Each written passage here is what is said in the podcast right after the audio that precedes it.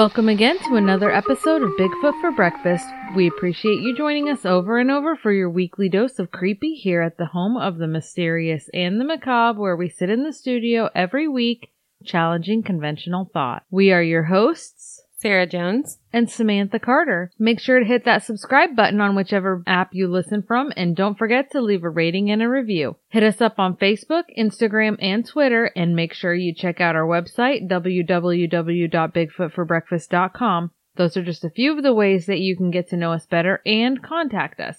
You can also send us an email at bigfootforbreakfast at outlook.com or leave us a voicemail or a text at 641 812 2635. What I once hmm. believed is no more, and what I've witnessed defies all that I ever imagined.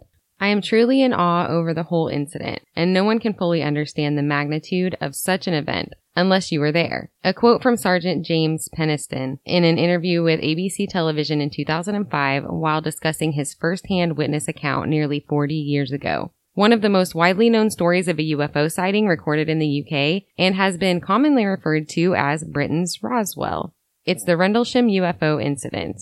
Like pretty much every other UFO incident in the history of UFO incidents, there is a debate about the statements made by the witnesses as well as alternate theories of what they may have seen that night. We will discuss all of those things. First, let's set the scene. It's the wee hours of the morning on December 26th of the year 1980 near Rendlesham Forest. Rendlesham is northeast of London in the county of Suffolk, settled nicely between two bases of the Royal Air Force, Bentwater and Woodbridge. Both of these bases are operated by the United States Air Force. On this night, stationed at the east gate of Woodbridge Royal Air Force Base were Staff Sergeant Bud Steffens and First Class Airman John Burroughs. Burroughs, who has since been stationed anywhere from Iraq to Italy, but no tour seems to have been as notable as this one. Burroughs was the first of the men to have seen what they described as bright lights above the treetops of Rendlesham Forest.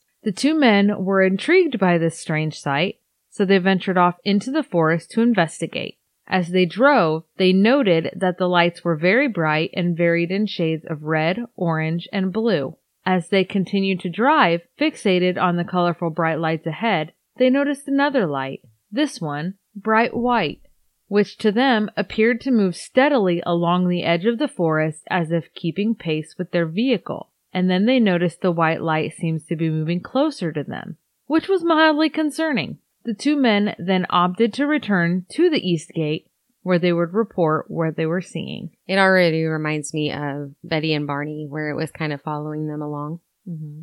Sergeant McCabe was the lucky officer on the receiving end of their strange report. After hearing what was being reported by the men in the field, McCabe contacted the Central Security Control and alerted them of the situation. Staff Sergeant James Penniston was the senior officer in charge of base security at the time. He held top secret U.S. and NATO security clearances and he was in charge of their police team also. Staff Sergeant Penniston has been described as a no nonsense guy. So when he heard the report of the strange lights described by Steffens, he decided to drive down himself to see what the heck was going on. He would be accompanied by Airman First Class Edward Cabansag. When they arrived at the East Gate to speak with Steffens and Burrow, Penniston asked that the lights they described could have been just a crashed aircraft. Steffens briefed Penniston that whatever it was that was the source of the lights landed in Rendlesham Forest. Not crashed, landed. Permission was granted by the ship's commander for the men to leave the base and head into the forest to investigate what Penniston was certain was a crashed aircraft. Burroughs, Stephen, Cabansag, Penniston, and two other security officers loaded up into a truck, leaving the base through the east gate and took a logging road which led into the forest. The road was not well kept, and on top of this, it was ice covered. This made the drive very difficult and the truck hard to steer. The group of men opted to abandon the truck and continue on foot.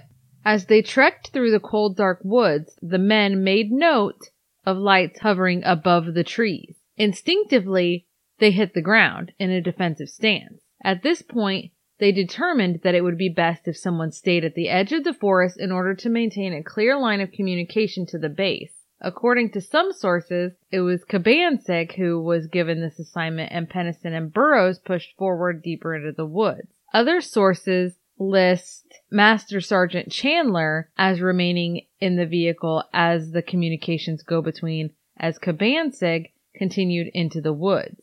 Either way, as they made their trek, the further they went toward the lights, the air felt to have a static energy to it, causing the hair on their arms to stand on end. See, that'd be enough for me to just nope. Did you ever hear a story of seven people who were climbing a mountain? And I think it was a tourist thing. They were up on this huge hill, and all of a sudden, every one of them felt this static energy. And then a lightning bolt came down and struck like four of them. Oh, well. They felt it before it hit. Everyone said that there was this quiet, staticky feeling up on this big rock and their hair was standing up on their arms and then lightning just came down and it branched off and struck literally four of the people walking. I thought that was the creepiest story ever. That is unpleasant. So I feel like that's what I would have thought of. And I would have just been like, nope, lightning. They walked to what they described to be within 150 feet of the unknown triangular shaped object, which radiated red and blue light. So it's the cops. The alien cops. You don't have much of a sense of humor this morning. The police. Mm-mm. no, I'm just kidding.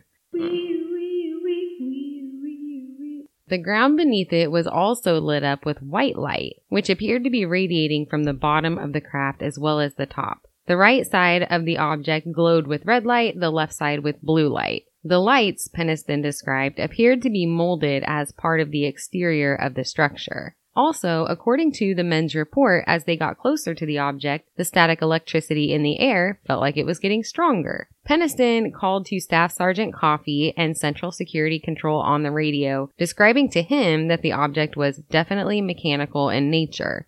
On top of the strong feeling of static electricity in the air, Penniston described that as they neared the craft, there was somehow a sense that time was slowed down. He got as close as 10 feet to the object, making very detailed notes regarding the object.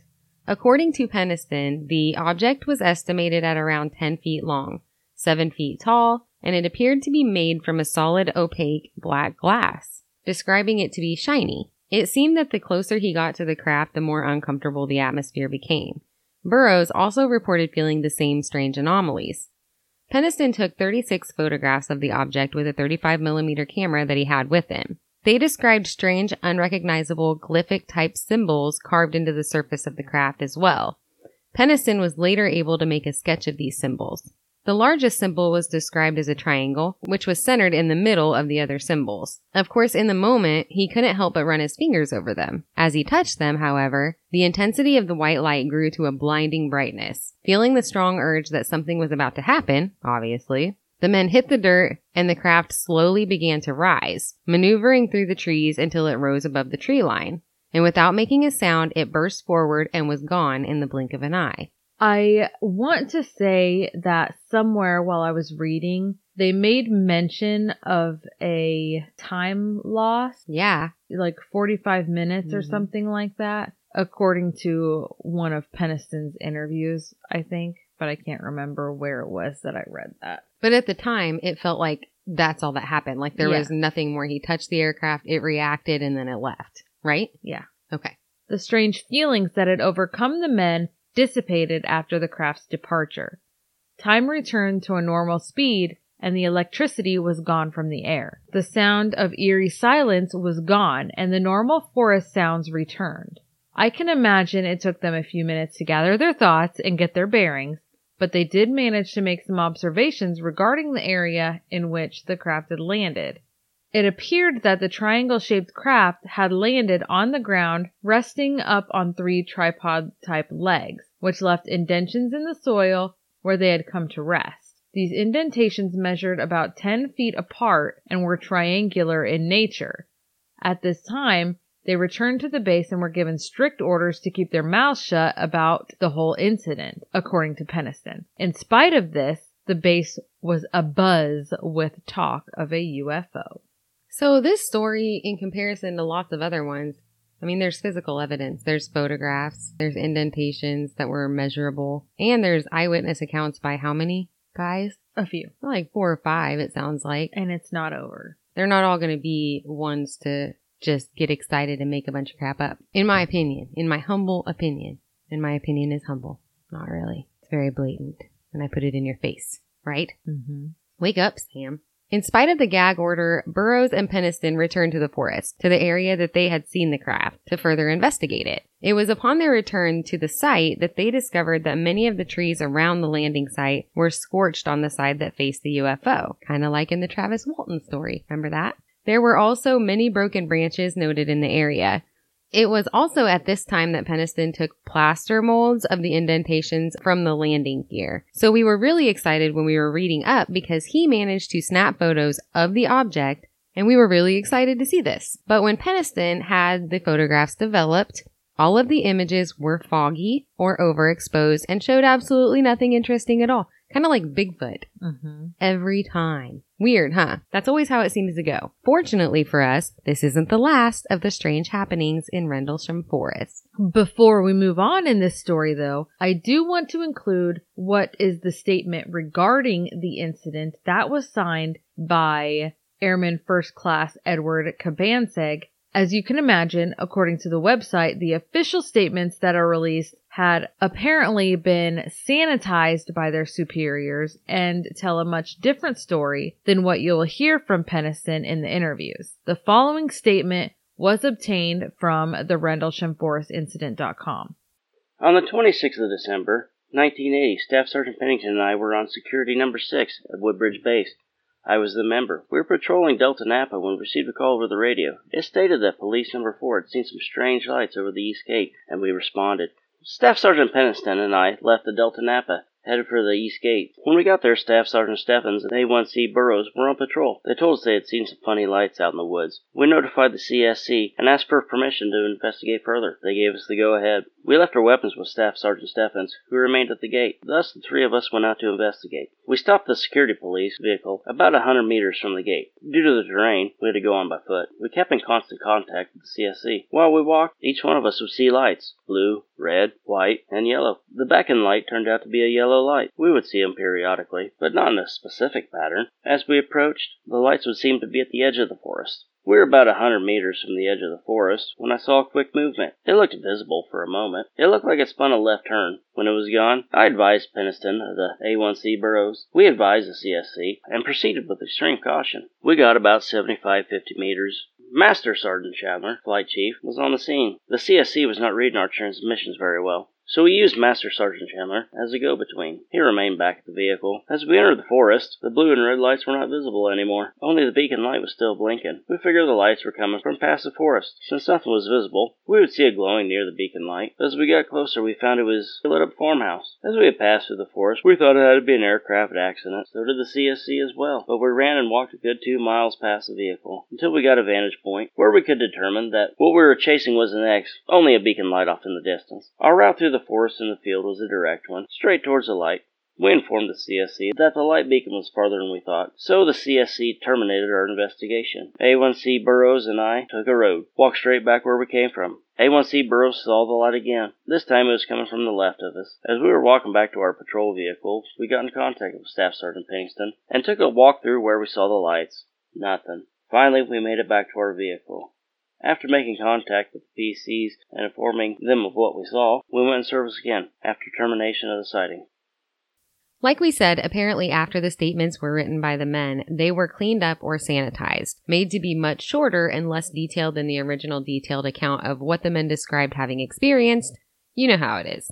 On December 28, 1980, there was an officer's Christmas party being hosted on the base. Just two days after the initial incident in the forest, and despite the men who were involved in this incident being tightly ordered not to speak of it, it was a very popular topic of conversation. On this night, at about the time that base commander Ted Conrad was about to present awards and give a speech, Lieutenant Bruce Englund entered the party and whispered in his ear, It's back meaning the UFO. Which is super exciting. Because he was otherwise engaged at the moment, the base commander asked Lieutenant Colonel Charles Halt, the deputy base commander, to handle the situation. Halt had of course been aware of the incident that occurred days before and believed there to have certainly been a rational explanation for the event. Like that there were aliens in the forest. And if you were giving a speech, wouldn't you still sprint out of the room to go see it? Obviously, they didn't think it was a legit thing. Colonel Halt gathered a few men to go with him to investigate the situation. The team assembled included a member of the disaster preparedness team.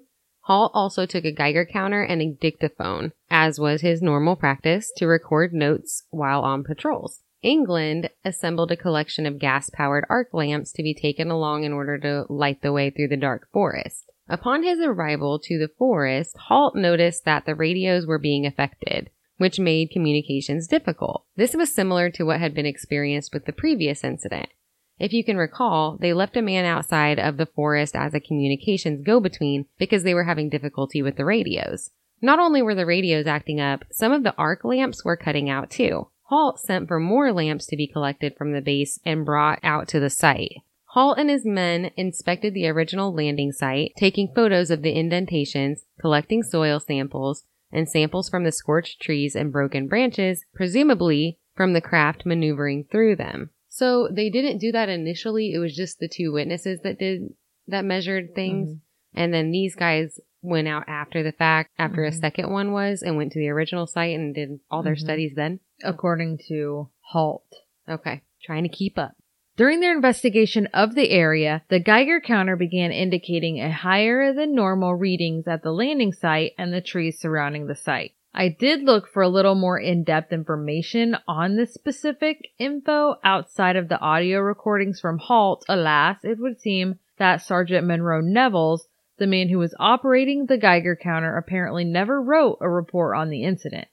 I did, however, find Ian Ridpath, who, quote, is one of the most dedicated and prolific writers on astronomy. His works all have clarity and authority, according to Professor Sir Martin Rees, Astronomer Royal. Is it Royal or Royale? Royal. Oh, Astronomer Royal. Right? That sounds a lot more official. Ian Ridpath has been a full-time writer, editor, broadcaster, and lecturer on the subject of astronomy since 1972. Being very interested in the subject, he did some extensive research on the incident. Ridpath expresses concerns over the readings of the Geiger counter, having listened to the tapes recorded by Halt during his investigation of the crash site, stating that these readings must be beyond reproach in order to consider them valuable evidence of the occurrence of an extraordinary phenomena, as they are described in the book Open Skies, Closed Minds by Nick Pope.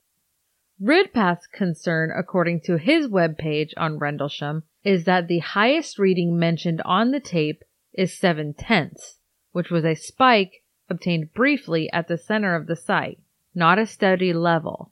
In Halt's memo, he reports a peak figure of 0.1 millirankins per hour, but does not specify where that value was obtained or if indeed it was just a rough value recalled from memory. So I was thinking that these were measurements of, I guess, types of vibrations that would have been present, but this is, It's radiation. yeah, exposure to I- level of exposure to ionizing radiation. Did you already say that? No, I just assumed everybody knew.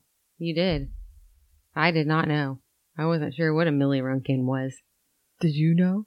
Did you guys know? I mean, a Geiger counter I thought measured level of movement, like deep earth movement, like an earthquake, right? Because when they use them to measure earthquakes, they're not measuring ionizing radiation. I, I mean, I know what sound it makes. But how does it measure an earthquake then? What's an earthquake got to do with ionizing radiation? What's love got to do with it? Got to do with it. Got to do with it. Scientists, call us and tell us what's going on. Are there different types of Geiger counters? Hey Siri. Your Siri does not want to talk. I didn't get that. The figure of 0.07 millirankins per hour mentioned on the tape is only twice the general reading, per Ridpath, who stands firm that a random jump at that level could easily come from natural source or accidental movement of the meter after having consulted with the National Radiological Protection Board regarding these findings. Fun hater. Also, according to Ian Ridpath, the American manufacturers of the model Geiger counter that would have been used for this investigation stated that Halt's peak measurement of 0.1 millirankins per hour was the bottom reading on the lowest range of the monitor and was of little or no significance. The manufacturer also is said to have stated that these instruments are designed to be used to monitor workplace fields of radiation levels after sizable nuclear incidents and are therefore not suitable for environmental monitoring or monitoring at background levels. On the basis of this information from the manufacturers, the UK National Radiological Protection Board concluded that using such an instrument to establish a level of 10 times background is not credible. So, there you have a little bit of controversy over some of the specific pieces of evidence collected at the scene of the spacecraft landing. So, getting back to the men out in the forest, at around 1:48 a.m., the group reportedly spotted an object through the trees. Halt described the object as looking like an eye that occasionally appeared to blink. As the team passed through the forest, they ended up eventually at a farmer's field with one of the objects overhead. According to Halt, you really yelled halt. According to Halt, a white beam of light shot down from the object, which was reportedly around 15 to 20 inches in diameter, and hit the ground around 10 to 15 feet away from the party, stunning the group of men who could do nothing but stand in awe staring at it. so now we've got this kind of questionable proof, the photos that didn't turn out, and then the Geiger counter that maybe wasn't credible. But then we've got like two times multiple eyewitnesses, correct? Mm-hmm. Okay. After about 15 seconds, the light just vanished. What Halt at the time was unaware of was that wasn't the only beam of light hitting the ground. A witness from a security tower on the Bentwaters base later came forward to confirm that he had seen several beams of light coming down from the objects. Halt was aware at the time that there were problems with the communication system that they had and radio communication was sporadic but he later reported that he had heard over the radio that some of the objects were spotted over the weapons storage areas, which happened to contain nuclear warheads, despite the UK government at the time denying any American warheads were on UK soil. So there's that. Halt later confirmed when talking to Nick Pope for his book that the beams also appeared to hit the weapons storage area penetrating the thick concrete protective shell. Soon after, though, the objects departed the area, at which point Halt and his men returned back to the base. Okay, so for a little bit of clarity here, for myself as well. So they're out in this farmer's field, and there's several of them at this point, and they see one object at this point Mm-hmm. from their standpoint on the ground. Yes. And they see one beam of light, correct? Yes. Somebody watching from the base who is unable to communicate with them is seeing multiple objects and multiple beams of light, right? Mm-hmm. Okay. According to the Rendlesham Forest Incident.com, Monroe Nevels, the Geiger counter operator, also took numerous photographs of the lights and the object. All of the photographs developed by Nevels, like the photograph taken a few nights before, were fogged. According to Nevels, I, Monroe Nevels, did take photos with a Nikon F3 and a 105mm f2.8 lens with a Tri-X at ASA 400. ASA being the aperture for all you non-photographer types, Aspirin. not aspirin. I processed them myself in my home photo lab. They were fogged and after a few years, I realized to the reason. Radiation detected around the site and on the trees. This is why none of the photographs could be viewed. By the way, I was and am a professional photographer. I was methodical with my work, and as a disaster preparedness tech, I knew and did my job professionally. I know what I saw in capital letters. Monroe Nevels. There were three objects or lights. The largest light was the leading or command vessel. The lights were three vessels that moved independently of each other. They were moving and were able to jump from Woodbridge and show up over Bentwaters in less than a second. So there's like a mama ship and baby ships. That is also a quote from Monroe Neville. Not the part about mama ships and baby ships. Yes. Does that sound right? The mothership and the baby ship. The gopher ships. There's always gopher ships. I know you did not shoot that green shit at me. That always makes me think of Jurassic Park when that one dinosaur lets out its fan around its head. The And then it- I don't know. And then he shoots that dentist guy in the face with slime. What's it called? Dilophosaurus? Dilophosaurus. Dilophosaurus? I don't know anything about the dinosaurs. Anyway, we're talking about aliens, so we'll move on.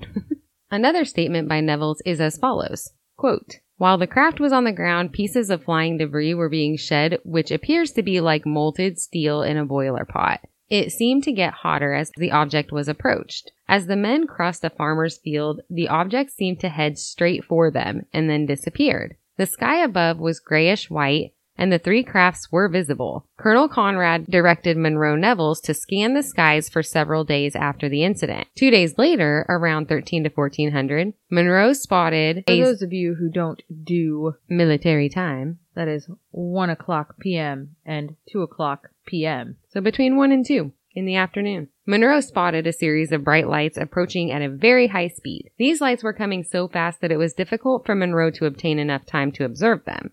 These lights were unlike the ones observed by Monroe on December 28, 1980. Monroe never witnessed the lights again. So Colonel Halt does a lot of public speaking regarding this incident since his retirement from the United States Air Force. There are multiple videos of interviews of him telling his story like Penniston.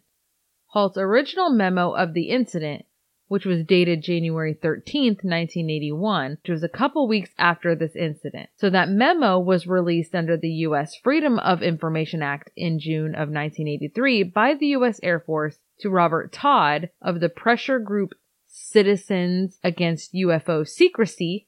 The memo reads as follows. Early in the morning, December 27, 1980, two USAF security police patrolmen saw unusual lights outside the back gate of RAF Woodbridge. Thinking an aircraft might have crashed or been forced down, they called for permission to go outside the gate and investigate. The on-duty flight chief responded and allowed three patrolmen to go out on foot. The individuals reported seeing a strange glowing object in the forest. The object was described as being metallic in appearance and triangular in shape, approximately 2-3 meters across the base and approximately 2-3 meters high. It illuminated the entire forest with a white light. The object had a pulsating red light on top and had blue lights underneath. The object was hovering or on legs. As the patrolman approached the object, it maneuvered through the trees and disappeared. At this time, the animals on a nearby farm went into a frenzy. The object was briefly sighted approximately an hour later back at the gate. The next day, three depressions an inch and a half deep and seven inches in diameter were found where the object had been sighted on the ground. The following night, December 29, 1980, the area was checked for radiation. Beta gamma readings of 0.1 milliricons were recorded with peak readings in the three depressions and near the center of the triangle formed by depressions. A nearby tree had moderate readings on the side of the tree towards the depressions. Later in the night, a red light was seen through the trees. It moved about and pulsed. At one point, it appeared to throw off glowing particles, and then broke off into five separate white objects and then disappeared. Immediately after, three star-like objects were noticed in the sky. Two objects to the north and one to the south, all of which were 10 degrees off the horizon. The objects moved rapidly in sharp, angular movements displayed in red, green, and blue lights. The objects to the north appeared to be elliptical through 8 to 12 power lens. They then turned full circles. The objects to the north remained in the sky for an hour or more. You could see the objects to the south two or three hours, and beamed down a stream of light from time to time. Numerous individuals, including the undersigned, witnessed the activities in paragraphs 2 and 3. So there are a few important details to point out regarding this memo. First off, the date of the initial incident is incorrect. As the original sighting was reported between December 25th and December 26th early in the morning, and the memo was reported as December 27th, this date is relevant because in order to thoroughly investigate the possible alternatives to an alien spaceship, you need to know what was going on in the universe. And in the area on that night, that may have been misinterpreted as a UFO. This would include the fact that just six hours before the reported UFO landing in Rendlesham Forest, the upper stage of the carrier rocket that launched the Russian Cosmos 749 satellite re-entered the atmosphere over northwest Europe. It broke up during re-entry with a fragment thought to have burnt out somewhere east of Clacton. Clacton on the sea! I don't know what that means. And other surviving fragments are believed to have fallen into the North Sea, and they couldn't be recovered. This incident was widely reported as a UFO with a multitude of news reports aired on national radio that night. Is it possible that that could have put the idea of UFO activity into the minds of the airmen at RAF Woodbridge? I suppose it's always a possibility. However, I couldn't find any direct or definitive evidence that this specific event had any direct connection to the event that was reported in Rendlesham Forest that night. Of course, we're going to explore all of these types of possibilities anyway, and we're going to go back to Ian Ridpath as a source of skepticism and expertise on astronomical possibilities. One of his theories is that they were in fact looking at the stars. Halt describes star-like objects hovering over Woodbridge Base at about 5 to 10 degrees off the horizon at around 4 a.m., but it seems like no one else at Woodbridge reported seeing this object. Also in his memo, Halt describes that the lights look as half moons turning into full circles or like an eye blinking. He is presumably looking at these lights through an 8 to 12 power zoom binocular or monocular lens, and some might conclude that this winking effect could have been an optical effect of focusing the binoculars. Sure, that's possible, but wouldn't a seasoned soldier with experience using this equipment know the difference? I guess that's assuming his experience. And then what about the beams and the sudden movement of these lights based on his tape recordings of the incident? He's quoted as saying, here he comes from the south. He's coming towards us now. Now we're observing what appears to be a beam coming down to the ground. So that sounds to me a lot less like mistaking a star as moving. On these tapes, Halt can be heard describing these lights as dancing about with colored lights on them. However, the descriptions in his memo differ slightly as they are described as having moved rapidly in sharp angular movements and displayed red, green, and blue lights. Stars can appear to twinkle in many colors when the starlight is refracted by the atmosphere. A similarly common effect is that stars can appear to move from side to side due to movements in the observer's eye, aka the autokinetic effect. Also, when they are seen between scudding clouds, it can appear that the star is moving instead of the clouds, but that's not the case.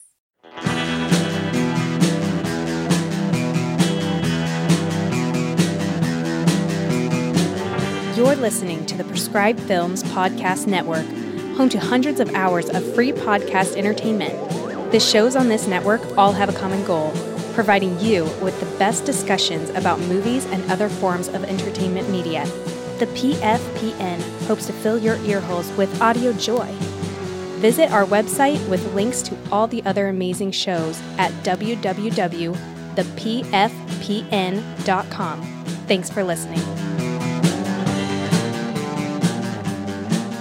All of the other eyewitness reports of these lights, like Halt's, describe the lights as hovering low over the forest. None of the reports describe them as high up in the sky. In relation to Bentwaters Air Force Base, they were seen toward the south. So these lights can't have been the same objects that Halt saw to the north, which he claimed were over the WSA at Bentwaters. It's been concluded by Ian Ridpath that the sightings of the lights hovering the sky were likely bright stars twinkling close to the horizon. Another witness at Bentwaters, Rick Bobo, described his experience with the same lights. Boobos. Hmm, Nick's gonna be mad. He didn't like our trashy Boobos talk. He didn't. no. Rick Bobo described his experience with the same lights to author Robert Hastings as follows. Quote, the main object hovered out there for a long, long time. It never really moved anywhere else. It was kind of hard to see, but it was slightly oblong, I guess. And I seem to recall it had bluish and reddish lights on it. When the object first caught my eye, it was already stationary. I didn't see it move to where it was, and I didn't see it leave. After it was hanging there a long while, I saw things shooting off of it really, really fast, like little sparks or something. Maybe four or five of them, and they were shooting off in all directions, but up into the sky, not down to the ground. I guess the more I hear of these descriptions, the less likely I feel that what they saw were simply optical illusions of stars. But I'm not an expert on astronomy or optometry, so we don't know. Or binocularity. I don't think that's a thing. Binoculology. Binoculology? Yes, binoculology. Uh, one of the lologies. Some, we're not experts in any of the ologies. Or really anything at all. Mm-mm. I can't think of one thing. Um, oh wait, I got one thing that we're probably masters of. What is it? Awkwardology Yeah, we got that. in spades. Something to be proud of. Another theory is that these men, who are in charge of guarding nuclear weapons, mistook the light from a lighthouse as a UFO. If you recall, During Halt's experience in the woods, he and the men who accompanied him found themselves at one point standing at the edge of a farmer's field. With further investigation into the area, it was noted that there is a lighthouse, Orford Ness Lighthouse, on the eastern edge of Rendlesham Forest, which is visible from the edge of that field in the daylight. Is it possible that these men mistook the light from the lighthouse as a beam of light from an otherworldly spacecraft? I kind of feel like the lighthouse theory is a little thin. The light from a lighthouse was not new, and it's rhythmic and constant throughout the night. But what do you think? What do you think? What do you think? What do you think? What's your opinion? How do you feel? I feel like they're giving simple answers to what sounds like a complex sighting. Stars and lighthouses. So there's another player in this game of UFO tales about Rendlesham Forest. Airman First Class Larry Warren, a member of the U.S. Air Force Security Police, reported, quote, I was taken off my post to the forest with a number of personnel who were bringing up the light equipment, out used to light up large areas. But it wouldn't work because of mechanical issues. We still had no idea what we were up to. A dim red light, opposite of the Orford Lighthouse, stopped over a strange mist in the ground.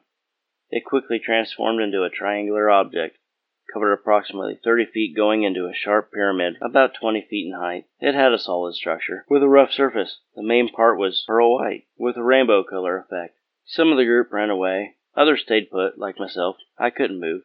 I don't know whether it was a shock or if it was an outside influence, but it was dreamlike. I think time was like distorted, and perceptions were intentionally affected by this intelligence. But there was one reality, and in front of you was another. I felt slower on that night. Everything was on half speed, and something was wrong. Something was out of place. Larry Warren's witness account is considered to be pretty controversial, even in comparison to the other statements because what he described isn't all that similar to the witness statements. According to RendleshamForestIncident.com, there have been statements made by military personnel who were supposedly closely involved in the Rendlesham Forest incident that may have made statements on record refusing to believe that Larry Warren was involved in the incident at all, as his differs significantly from that of Colonel Charles Halt, who was the most senior witness to the event. It may have been suggested the NSA and or other organizations like the CIA perhaps may have utilized various techniques with the assistance of drugs and hypnosis to tamper with his memory, including the use of sodium pentothal, which doesn't sound like the CIA or NSA at all, does it? Does it? Hmm? Does it? It does, doesn't. Mm-mm. No.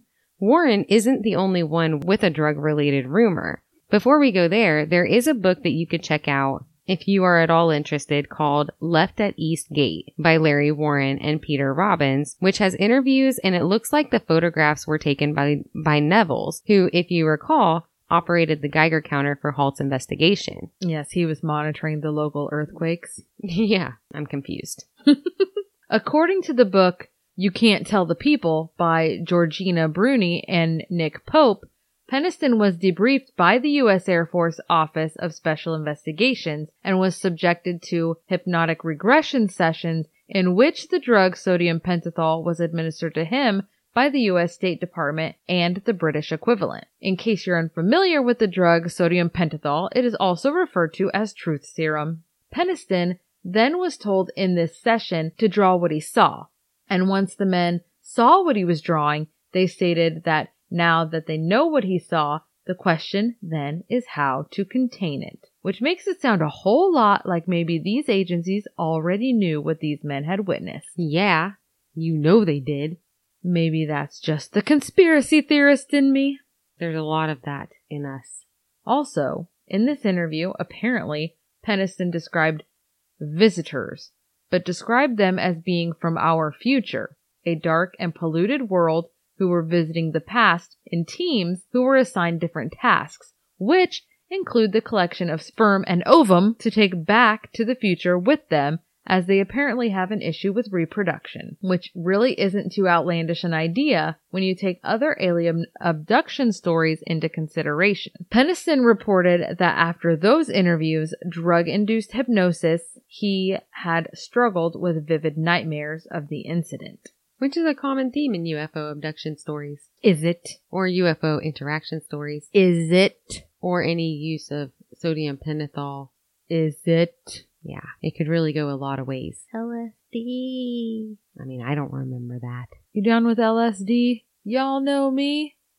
I don't think that's how it goes. So, what about Halt's senior officer, Colonel Ted Conrad, who offered very little in the way of information or statements regarding the incident? Dr. David Clarke contacted Colonel Conrad in 2009, who was now at that time retired from the U.S. Air Force. Conrad was asked at that time to go on record regarding the Rendlesham incident. According to Clarke, Conrad provided his detailed version of what he recalled of the strange happenings in December of 1980, which puts a little different spin on the case. Conrad directly challenges the story of his deputy, Charles Halt, signed and notarized statements from 2010 that included the following paragraph. Quote, I believe the objects that I saw at close quarter were extraterrestrial in origin and that the security services of both the United States and the United Kingdom have attempted, both then and now, to subvert the significance of what occurred at Rendlesham Forest and RAF Bentwaters by the use of well-practiced methods of disinformation. Colonel Conrad's comment to Dr. Clarke in regard to Halt's statement was that, quote, Colonel Halt can believe as he wishes. I've already disputed to some degree what he reported. However, he should be ashamed and embarrassed by his allegation that his country and England both conspired to deceive their citizens over the issue. He knows better. He probably does know better. He knows. He knows. Adding to his statement that he finds it difficult to comment on this issue, quote, given how huge the story has grown from its humble beginnings to the sensation it has now become. He continued that he prefers to, quote, avoid the appearance of validating any of the stories that have sprung up in the years since 1980. So, whose version of the story are we to believe? In his interview with Clarke, Conrad was asked specifics about the statements made by Halt and Penniston, including the question, can you confirm Halt's story about the airman interrupting the party saying, it's back, to which Conrad replied, the comment, it's back, was relayed to me by Lieutenant Colonel Halt, not Englund. I don't know who told him that or why. There were no claimed sightings that night. The statement might have simply been an attention getter. So according to Halt's statements, it was Englund walked in and told Conrad that it was back, and Conrad delegated Halt to go investigate the situation. But Conrad is completely disputing that. Yeah. Conrad also told Clarke in his interview that he had asked Penniston for a description of the object and Penniston said he didn't get close enough for a detailed look. What he saw or described to Conrad was a generally rectangular shaped object that was slightly larger than a Jeep. He recalled that this was mostly obscured by two horizontal rows of very bright, closely spaced lights, one row white, the other row blue. He thought one row ran along the top and the other row around the middle. Again, Conrad states that Penniston told him that his distance from the object and brightness of the lights obscured any further detailed observance. Penniston's description, as told by Conrad, does not at all correspond with his later statements and drawings. Which, you know, include the drawings of the symbols, which mm-hmm. he says he was close enough to touch. It's no secret that witness statements aren't always reliable. So, what about the other physical evidence? The trees, the imprints in the ground, well, according to reports of British police officers who examined the alleged landing site just hours after the first UFO sighting said, quote, the impressions were of no depth and could have been made by an animal. This statement correlated with the impression expressed by Commander Colonel Ted Conrad, who also examined the marks and affirmed that, quote, any evidence that the alleged landing site, if any, was so unremarkable that some people eventually became unsure as to the exact landing site. About six weeks later, after hearing the rumors of a UFO landing in the area, forester Vince Thurkettle, who lived in the forest at the time of the incident, also expressed that he was quite unimpressed by what he saw. Thurkettle said the three depressions found by the U.S. Air Force airmen in the clearing resembled holes created by burrowing animals. Additionally, he claimed that the mysterious marks on the nearby trees, which Halt's team apparently credited as UFO damage, were actually marks made by foresters' axes in order to identify trees that were earmarked to come down. The officer in charge at Central Security Control on the night of the incident was Lieutenant Fred, or Skip, Buran, who helped gather the statements from the airmen. When he was asked about whether the statements of these eyewitnesses were deliberately toned down or sanitized, Buran stated in an email to Ian Ridpath on December 30th of 2007, quote, I did not ask anyone to edit their statements in any way. Had anything occurred other than what appeared in the statements, those facts should have been included. End quote.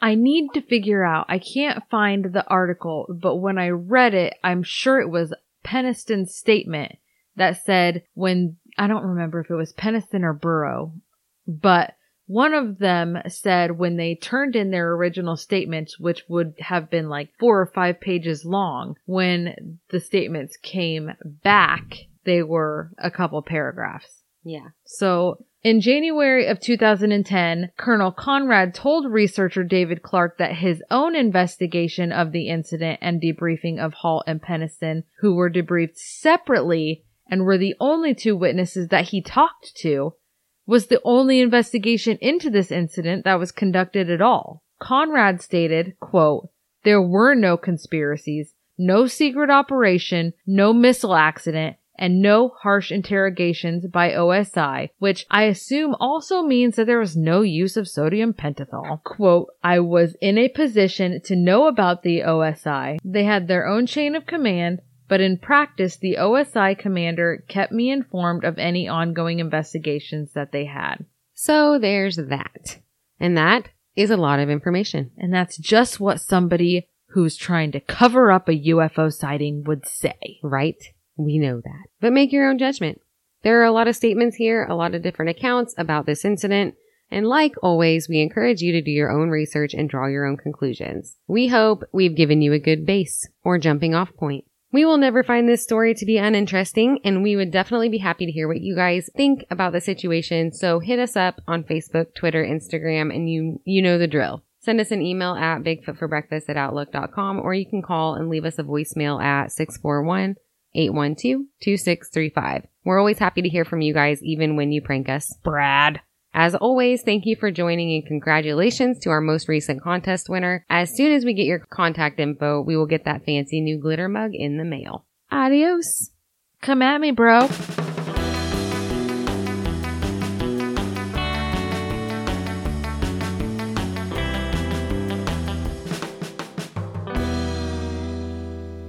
Come at me, bro.